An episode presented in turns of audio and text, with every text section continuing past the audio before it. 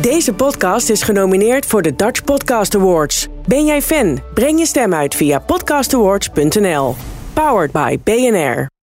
Maar als je het kijkt in die tak, in de renewables eh, hoek, Mm. is het massive. Is, er, is er geen één andere start-up die ook maar enigszins in de buurt eh, kan komen. Dit is CMO Talk, de maandelijkse podcastserie met de meest interessante CMO's. Geleid door Klaas Wijma.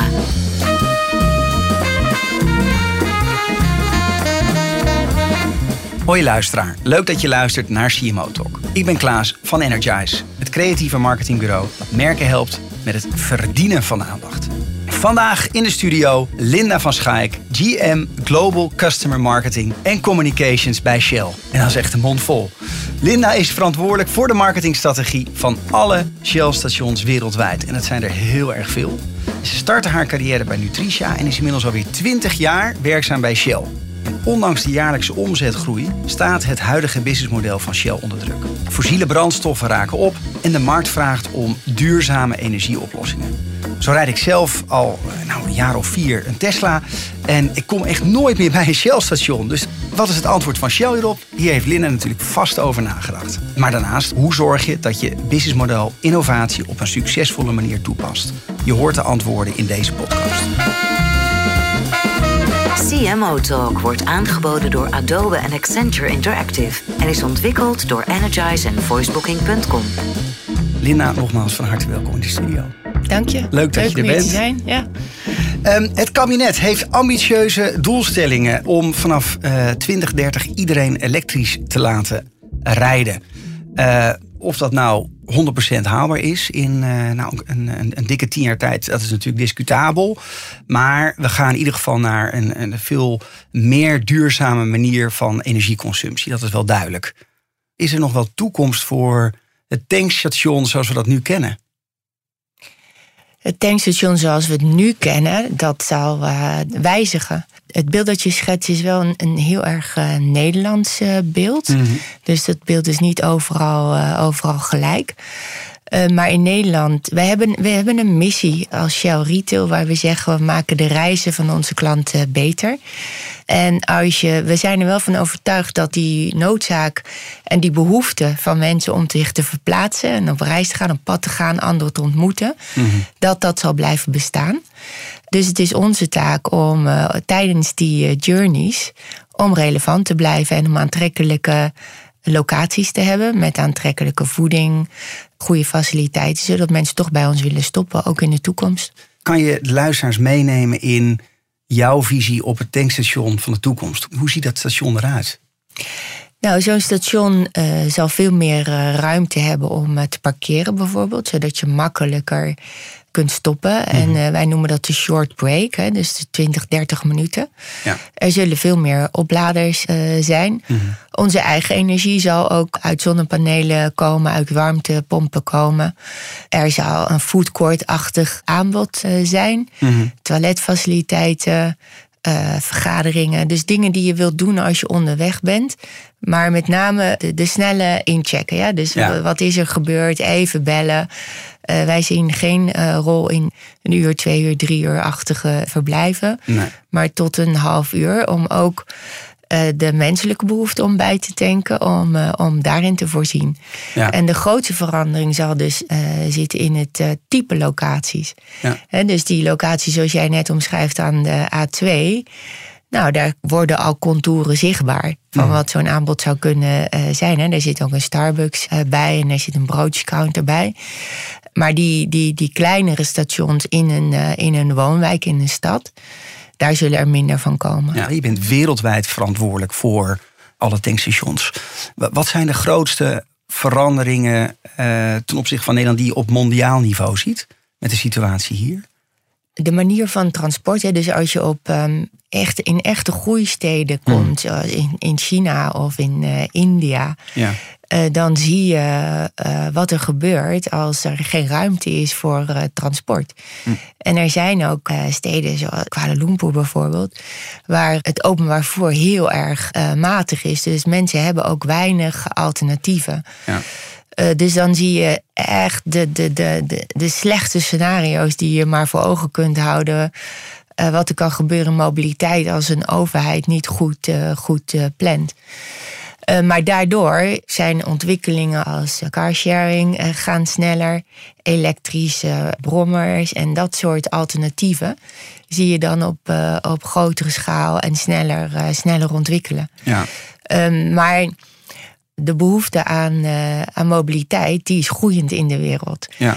En mensen die zich willen ontwikkelen, die naar hun werk willen gaan om een inkomen te krijgen, uh, dat, is, dat is groeiend in, uh, in met name Azië. Dus je, je ziet in Nederland en Noordwest-Europa zie je daar stabiliteit tot lichte daling. En wij hebben ook de luxe van veel alternatieven. En die zijn er niet overal. Dus daar in die gebieden moet je die tussenstap overslaan en eigenlijk meteen doorpakken naar uh, schonere voertuigen en meer uh, openbaar uh, vervoer. Wat mij fascineert is, jullie zijn natuurlijk al, al jarenlang succesvol. Jullie groeien 8 tot 10 procent per jaar. Dat is echt ongelooflijk. Um, maar jullie zijn aan de andere kant ook druk bezig met, een, een, met de energietransitie. Ja. Hè, om een meer sustainable business te worden. Hoe pak je dat aan vanuit jouw rol? Een bedrijf wat, wat succesvol is, wat groeit. Hoe krijg je mensen mee naar een toekomstig model wat zich nog niet bewezen heeft? Ja, dat is dus de grote uitdaging van mijn baan. En dat vind hmm. ik ook fantastisch om te doen. Uh, dus we hebben in mijn team een jaar of drie geleden hebben we de visie neergezet. Hmm. En uh, ik, ik zal proberen zo min mogelijk Engels in uh, dit interview te gebruiken. Maar uh, dus onze missie is: We make life journeys better by enriching today and creating a more sustainable tomorrow. Dus daar probeer je al die twee elementen in mee te nemen. En we hebben ook geprobeerd om hem relevant te maken voor iedereen die bij Shell Retail werkt. Dus als jij op een tankstation werkt en uh, je weet vandaag uh, is mijn rol om een klantenreis beter te maken. Dan hoop ik dat je even uitlegt uh, hoe de route in elkaar zit of hoe je je banden op kunt pompen. En ja, we, we, maken natuurlijk mensen in allerlei situaties mee. Ja. dat je ook echt helpt. En voor mensen zoals ik, Make Life Journeys Better, dan moet je verder vooruit kijken. Dus we hebben echt geprobeerd om concreet genoeg te maken, maar ook uitdagend uh, genoeg te maken. En daaraan hebben we vijf ambities uh, gekoppeld. Mhm. Waarvan we zeggen, we willen de helft van onze, onze inkomsten willen we halen uit andere dingen dan brandstoffen. In binnen welke termijn? Uh, 2025. Dat is snel al. Ja. ja. Over zes jaar. Ja.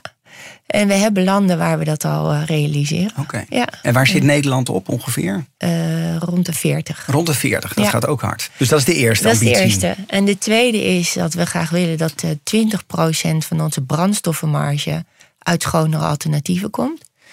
Uh, dus dan praat je over elektrisch opladen, hydrogen, liquefied natural gas, LNG, CNG, maar ook tweede generatie biobrandstoffen. Hm. De derde is dat we uh, de CO2 van onze eigen operatie willen halveren. Uh, dus daarmee zet je zeg maar druk op het systeem van hoe je bouwt ja. en uh, hoe je werkt. Mm. dus wat voor apparatuur koop je, wat voor cultuur creëer je op die stations over simpele dingen als het scheiden licht, van afval. Scheiden van afval, het licht aanlaten, hoe hoog zet je de airco en Mm. allemaal van dat soort dingen. Ja. Dan de vierde is een, uh, een briljante klantervaring op die stations, maar ook in de digitale wereld. En de vijfde is dat we alle stations betrokken willen hebben bij een uh, global social cause. En die is reduction of waste. Maar hoe ze dat doen, daar hebben we niet zoveel mening over. Ja. Dus, um, het zijn eigenlijk kaders, richtlijnen. Ja, waarin... het zijn uh, richtlijnen. En wat ik uh, doe met mijn uh, mm -hmm. team is wij, wij meten. We zetten ook de marketingplanning uit. Dus dan zorg je ervoor dat je in je templates en dergelijke... en hoe je je structuren en je analyses opvraagt... dat je toewerkt naar die vijf ambities. Ja. En dan twee keer per jaar rapporteren we aan het leadership team hoe de, hoe de voortgang uh, is. Ja. En hoe de trend zich ontwikkelt. Even terug naar voordat je die ambities had gedefinieerd. Want je hebt een, uh, een vrij belangrijke rol gehad in die defini definitie van die, uh, van die ambities. En, het, ja, ja. Daar, en het mooie is dat dat nu ook in Shell breed wordt, wordt gedragen. Wanneer kwam bij jou persoonlijk het besef van... hé, hey, we moeten echt veranderen? Ja, nou zou het natuurlijk heel intelligent zijn als ik daar allerlei studies op had gehad en dat ik marktanalyses had en uh, big data.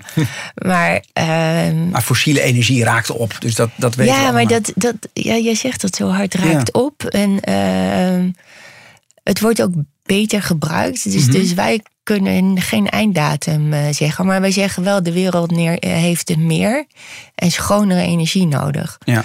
Was er een bepaald moment waarin ja, in je team dacht van oké, we, moeten, we, moeten naar, we moeten naar een pivot. Ja, zeker, absoluut. En dat neem, was, neem, neem ons eens mee. dat was heel erg um, uh, een menselijk proces. Hmm. Dus ik uh, begon in deze uh, rol zo vier jaar geleden. En dat was een nieuwe rol, een nieuwe baan. En ik was hiervoor was ik de general manager van de business in Benefrux. Dus alle tankstations daar.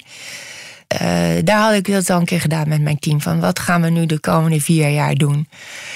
Dus zo'nzelfde proces wilde ik met mijn uh, nieuwe team uh, uh, gaan doen. Ja, en dan heb je mensen die in verschillende landen zitten. Dus die heb ik echt letterlijk hier op de hei in Nederland gehad. En daar was de eerste avond, kwam daar al van, ja, ja, ik vind het eigenlijk um, niet meer zo cool om tegen mijn vrienden te vertellen dat ik bij Shell werk. Want je krijgt altijd uh, kritiek. Je krijgt altijd ja. kritiek en uh, het is ouderwets en wij worden gezien als iets van de vorige, vorige eeuw. Dus um, nou, ik ben niet heel erg trots. Ik weet wel dat we coole dingen aan het doen zijn, maar ik ben niet heel erg trots. Mm. Um, dus we zijn eigenlijk vanuit dat gevoel van onrust van mijn team zijn we gaan werken. En daarvan hebben we gezegd, nou, wat kunnen wij eigenlijk als team? Dus toen hebben we voor onszelf gezegd: wij kunnen de, de change faciliteren. Daar kunnen we de, de accelerator van zijn. Hm. En toen ben ik met mijn peers en mijn baas uh, verder gegaan. En toen hebben we die uh, missie uh, neergezet. Ja, dat is eigenlijk op gevoel. Van mensen van, van wat wil jij nalaten? En ook als je nadenkt over mobiliteit van je kleinkinderen, hoe ziet dat er dan uit? Ja, mooi. Heb jij dat zelf ook, Linda? Dat je als je zegt van ik ben global verantwoordelijk uh, voor alle de marketing, voor alle tankstations bij Shell. Uh, en je zegt dat op een borrel, dat je, dat, je, dat je ook wel eens het gevoel hebt van hey, het is niet meer cool om bij Shell te werken. Hoe ervaar je dat zelf? Ik heb een zo'n tijdje gehad dat ik dat moeilijker vond. En nu heb ik dat helemaal niet meer. nee. Omdat ik dus echt zie wat er allemaal ontwikkeld wordt. Mm. En uh, wat er geïnvesteerd wordt. En hoe er gediscussieerd wordt. Dus dat bedrijf is over een tipping point aan het komen. Ja. Ik wil jou graag een stelling voorleggen, als mm -hmm. het mag, uh, Linda. Uh, want dat doen we vaak bij onze gasten in de studio. En dan komt de eerste. Energieleveranciers zijn nu de grootste concurrenten van Shell. Gedeeltelijk. Ik denk, ik zie ook als concurrenten zie ik ook uh, Starbucks Mhm. mm -hmm. en uh, Laplace. Ja, dus als ik jou het beeld schets in het begin van hoe, hoe ziet zo'n locatie van de toekomst eruit, dan zit daar ook heel veel uh, catering in. Ja. Dus energie ook, Ja. maar er zijn nog heel veel andere. Ja. Ja, mooi. Um, kleine brug naar begin dit jaar dat officieel ook naar buiten kwam dat Shell in combinatie met PGGM interesse heeft in Eneco. W wat is jouw. Heb je zelfs het past naadloos in onze vijf ambities, die, die, die stap voor Shell? Ja, ik denk het wel. En dus, dus die ambities die, um, die zijn voor retail, dus het is het transportstuk. Maar in Engeland mm. uh, hebben we een Eneco-achtig bedrijf uh, overgenomen, First Utility. En daar zijn we vorig jaar bezig geweest met de propositie. Dus, dus het standaard aanbod van dat bedrijf is renewable um, energie. Mm -hmm. Dus het is geen premium, maar dat is, dat is uh, het enige wat ze in de markt zetten. We hebben het uh, twee weken geleden omgebrand naar Shell Energy. En dan zie je wel dat uh, door de toch kwaliteitsuitstraling van het merk. Shell is een bedrijf, als ze gaan, gaan, dan zitten ze erin voor het is gedegen. Ja. Het is niet opportunistisch. Voor de langere termijn. Voor de langere termijn. En dan weet je dus ook dat zo'n hele machine gaat draaien. Hm. om die renewable component te kunnen leveren voor die, uh, voor die klanten. Dus die hm. klanten van Shell Energy. die krijgen korting op brandstoffen. Dus je probeert je synergieën als bedrijf en je offers als bedrijf te bundelen, zodat je aantrekkelijk bent voor je klanten. Hè? We zijn, uh, dat is wel wat we, wat we proberen te doen. En dan zijn er altijd mensen die zeggen van uh, ja, maar daarmee stimuleer je autorijden.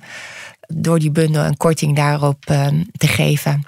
Ik vind dat vergezocht. Ik kijk vaak toch naar de intentie. Hm. En die intentie die is, die is positief. En je kijkt naar de klantreacties en um, we hebben veel inschrijvingen. Dus um, het zal wel ergens Kom goed zitten. Ja. ja. En nu straks Eneco. Nou ja, dat weet ik dus niet. Hè. Ik zit niet in dat team uh, van uh, bieden. Mm -hmm. maar ik zie die fit wel. En we hebben ook veel zakelijke klanten. Eneco ook. Ja. Dus ik zou zomaar kunnen zien hoe je daar, um, zeg maar, op dat hele transitiesysteem, die infrastructuur, hoe je daar mooie dingen kunt bedenken. Ja. Jullie zijn heel erg veel in het nieuws de laatste tijd. De, uh, de samenwerking met uh, Staatsbosbeheer, wat jullie onlangs hebben aangekondigd. Dus dat, dat is dan in Nederland. Dat jullie in ieder geval nou, ook een steentje willen bijdragen door bomen te planten. Ja. Um, dan ja, schep mij de vraag van, gaat die vrijwillige cent per liter aan de pomp wel het verschil maken? Ik denk het wel. Dus het is een bundel van dingen. Mm. De Staatsbosbeheer, dat staat los van die cent per liter. Mm je kan me niet zien, maar ik zat echt wel een beetje te glunderen toen je daarover uh, begon. Want ik vind dat een, echt een hele mooie uh, deal. Misschien voor de luisteraars die het niet kennen. Kan je kort uitleggen wat die samenwerking is? Ja, dus, dus Shell heeft een samenwerking met Staatsbosbeheer mhm. aangekondigd. Waarin uh, 5 miljoen bomen vervangen gaan worden. Die, en dat zijn, in Nederland. In Nederland. Dat zijn dus veel essen. Die zijn getroffen door een schimmel. Mm en uh, met die sponsorship en die partnership kan dat dus opgelost uh, worden. Hm. En zo willen wij graag leren hoe zo'n bos uh, werkt. Want bomen nemen CO2 op. Ja. Dus in die laatste categorie die ik net noemde. Dus ik zei minder gebruiken, vervangen. En dan het laatste deel compenseren. Dus we hebben ook um, energiescenario's. Mm -hmm. En waar dus allerlei bijdrages naar het klimaatakkoord worden uh, beschreven. En dat, dat is dus wind, uh, zon, elektrisch. Uh, dus alle componenten zijn daarin meegenomen. Ik probeer even te tellen hoeveel van die balkjes erop ik zo op die, op die slide zag. Ik denk een stuk of zeven. Ja. ja dus zeven verschillende componenten die bijdragen om naar de doelen van Parijs te komen. En nature-based solutions, dus natuur, investeren in de natuur, zodat zij dat die, dat die bossen en die wouden uh, die CO2 kunnen blijven absorberen, hm.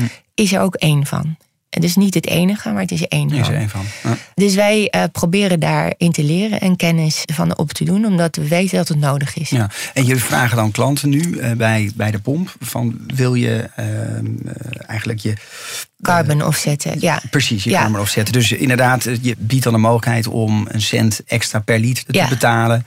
Dus voor het dit werkt project. dus voor, um, voor V-Power klanten mm -hmm. is het al, zit het in, zit de, in de prijs. Dan kun je nog als Miles Me. Uh, dus het Miles Me programma uh, is gelinkt aan uh, Airmiles. En dus iedere keer als je komt tanken kun je kiezen wat je nog meer wilt. Hè? Dus on, -hmm. on top of je basisbeloning in Airmiles kun je altijd kiezen, ik wil nog meer bonus ja, ja. Of ik wil gratis pakje kauwgom. Of ik wil mijn carbon offsetten. Dus uh, die keuze die komt erbij. Ja. Dus dan hoef je je uh, niks bij te betalen. En als je die allebei niet wilt, dan kun je een cent per liter uh, bijdragen. Maar we hebben dus vorige week hebben we sessies gehad met personeel mm -hmm. van, van alle servicestations. En mensen zijn echt um, ze zijn trots en blij dat ze iets concreets kunnen aanbieden. Dat begrijp ik. En ik zeg altijd van ja, je kunt ook niks doen. Ja. Dat zeg ik ook uh, als ik zelf naar de sportschool ga en ik doe het maar een half uurtje. Dan denk ik, ik had eigenlijk een uur moeten doen. Ja. Maar dan denk ik, ja, je had ook op de bank kunnen blijven zitten. Ja, dus het is beter. Uh, maar ik kan, kan ook vanuit de andere kant redeneren van hé. Hey, je legt nu ook een stuk verantwoordelijkheid bij de gebruiker zelf. Ja, en dat is heel bewust. Okay. Dat is heel bewust. En waarom? Omdat je uh, mensen wel het besef wil laten uh, houden en de koppeling wil laten maken van de CO2 die wel gerelateerd is aan transport. Mm -hmm. Als je het dus ergens wegbakt in de prijs, dan gaat dat bewustzijn ook. Uh, dan krijg je ook geen gedragsverandering. Exact. Ja. Ik wil je graag een aantal dilemma's voorleggen, mm -hmm. Linda. En je mag er steeds één kiezen. Dan komt de eerste. Globaal of lokaal? Oeh, dat is zeker een uh, dilemma. Uh, toch globaal. EBITDA of groot investeren? Groot investeren. Kapitaalkrachtige multinational of wendbare skill-up? Kapitaalkrachtige multinational. Product of customer experience first? Customer experience. Waterstof of elektrisch? Waterstof. En dan mag je één toelichten. Eén toelichten. Kapitaalkrachtige multinational omdat ik uh, denk dat als zo'n multinational zijn hoofd achter dingen krijgt en zij in staat zijn om 5 of 10 procent te verbeteren, mm -hmm. dat de impact daar, uh, daarvan veel groter is. Dus het is traag, het kan frustrerend zijn. Maar als het gaat, dan is de impact uh, heel erg groot. En dan zijn de middelen er ook. En dus we hebben vorige week gezegd, we gaan 300 miljoen investeren in, uh, in de natuur. En, ja. dus dat, ja. En dan uh, lees je op Twitter, dat is het meest, ja. dat is het meest recht voor zijn raap medium. Van, ja, maar er gaat nog meer in fossiel. Dat is ook zo. Maar geef mij één ander bedrijf uh, dat in die tak of in wind of in renewables zulke bedragen kan investeren. Ja. ja het wordt vaak altijd gerelateerd aan percentages van omzet, terwijl jullie een gigantisch bedrijf ja, zijn. Ja, dus, maar als je het kijkt in die tak, in de renewables uh, hoek, mm. is het massive. Ja. Is, er, is er geen één andere start-up die ook maar enigszins in de buurt uh, kan komen. Dus ik hou van die impact, dat vind ik mooi. Mooi. Um, Laten we het dan even hebben over een skill-up. Fastnet die kwam vorige week met het nieuws dat ze naar de beurs willen. Ja. Ze willen gas gaan geven naar duizend stations in Europa. Ja. Lig je daar wakker van? Nou nee, dat, uh, dat, dat hebben wij ook, uh, zijn we ook mee bezig. En ook dat soort aantallen. Ja. ja.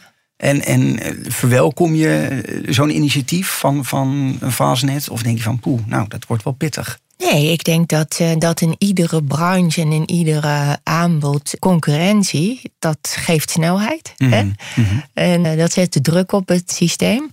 En je houdt elkaar ook uh, scherp. En in het kader van beter goed gejat dan slecht bedacht, kun je altijd van elkaar leren. Even praktisch, de praktische kant van business model innovatie. Want jullie zijn met heel veel nieuwe dingen bezig. Jullie, jullie kopen nieuwe partijen. Jullie kijken in, naar de markt met interesse, naar, naar energieleveranciers. Dus er gebeurt heel erg veel binnen Shell. Als je wilt of genoodzaakt wordt om te innoveren, waar start je dan? Bij de Vanuit jouw ervaring, bij de klant. Ja, ja. Hoe gaat de, de, de toekomstige demand, hoe gaat zich die ontwikkelen? Hoe, hoe, hoe heb je dat zelf gedaan binnen je team? Wij hebben vrij makkelijk toegang tot de klanten. En er zit ook best wel een, uh, een goed systeem uh, in. Dus we hebben sowieso voice of the customer. Mm-hmm. En dus je, je krijgt feedback. Ja. We werken veel personeel om daar te luisteren wat, mm. er, wat er gebeurt. Alle managementteamvergaderingen die zijn vaak meerdaags, omdat iedereen reist. Hè? Ze zijn ja. vaak over landen heen. Uh, dus dan begin je altijd met een halve dag uh, stations bezoeken. Hm. Ja, en verder is er gewoon heel veel customer insights uh, ja. verzamelen. Want jullie hebben ja. ook jullie eigen loyaliteitssysteem. Ja. Waar met heel veel data. data ja, dus, dus je, hebt, je hebt altijd twee levels van, um, van customer insights verzamelen. Wat hm. mensen zeggen. Ja. En wat ze doen met hun voeten. Ja, ja. En uh, dat zie je heel erg in die data van die uh, loyaliteitssystemen. Ja. En uh, wat er gezegd wordt en wat er gedaan wordt. Er zitten grote verschillen. Ja, kwalitatief en kwantitatief. Er zitten hele zeg maar. grote verschillen tussen. Ja, ja. dat kan ik me voorstellen. Um, welke rol heeft innovatie binnen jouw marketing? En, en hoe organiseer je innovatie binnen je team? Of hoe heb je het georganiseerd?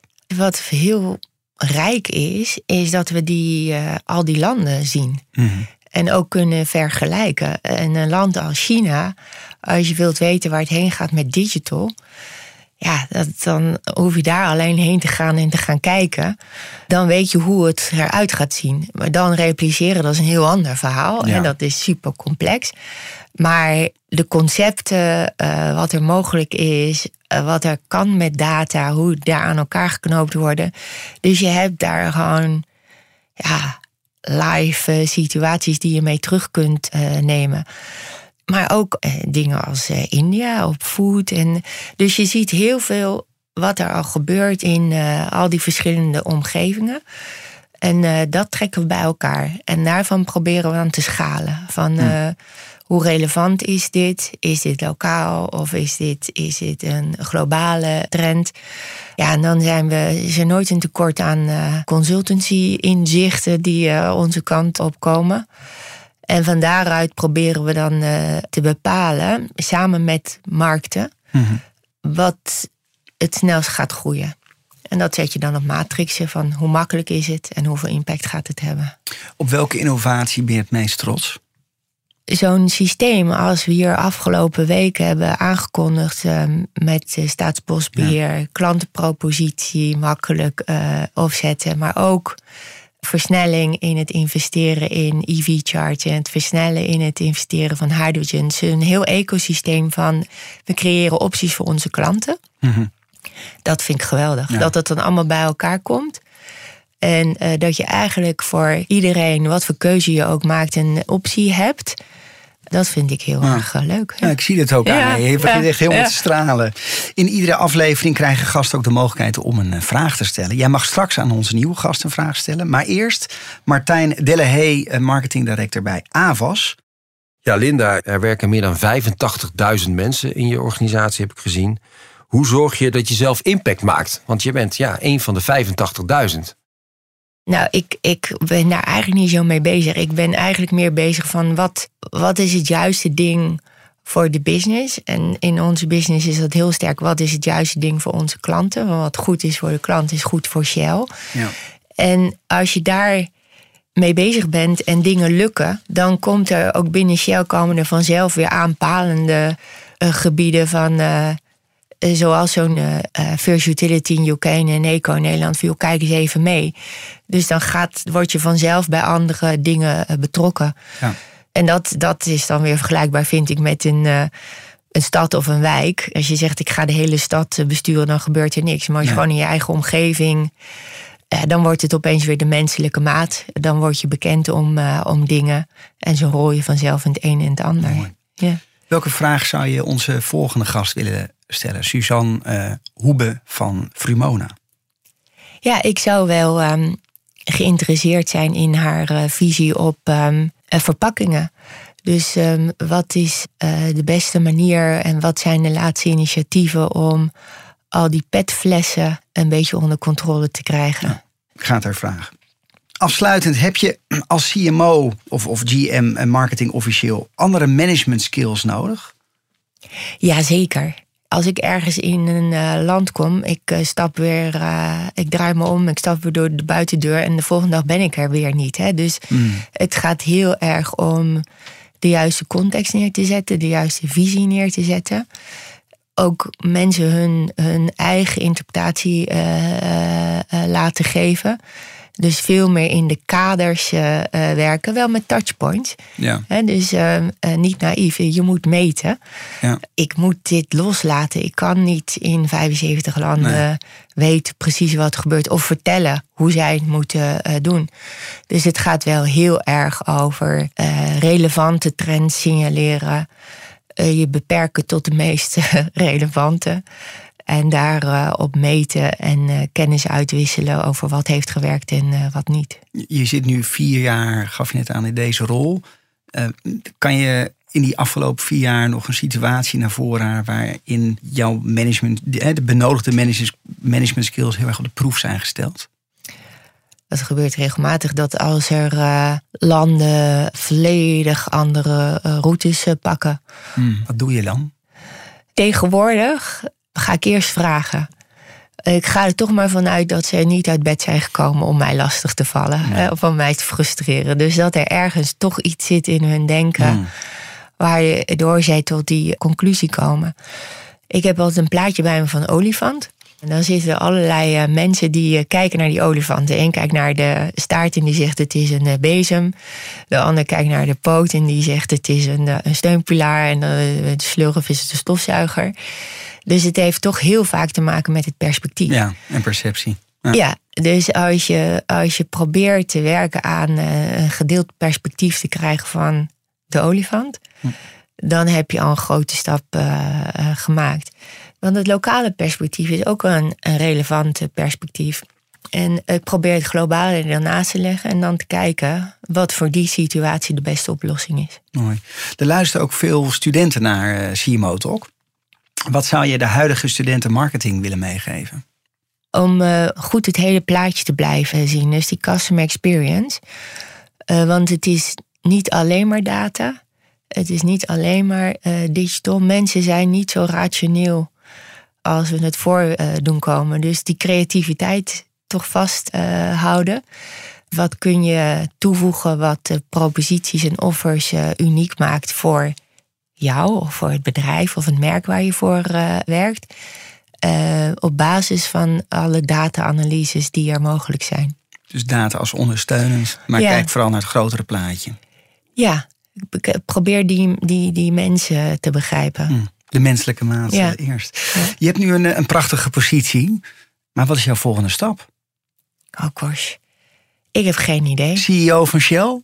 Nee, nee, nee, nee, nee. Nee? nee? nee. En uh, dat is Waarom niet? Dat is zoveel breder dan uh, de consumentenbusiness waar, uh, waar ik in zit. Ik weet ook niet of ik daar heel gelukkig van zou worden. Je hebt echt een retail hart wat dat betreft dat vind ik uh, mooi. En ik vind het ook leuk om uh, daar aan te kunnen tweaken. Weet je, iedere keer weer verbeteringen in aan te brengen. En uh, we hebben natuurlijk ook takken in het bedrijf waar je één keer in de tien jaar iets heel erg groots en duurs doet. En dan proberen dat los te trekken. Ik vind, ik vind die kleinere stapjes vind ik, vind ik leuk.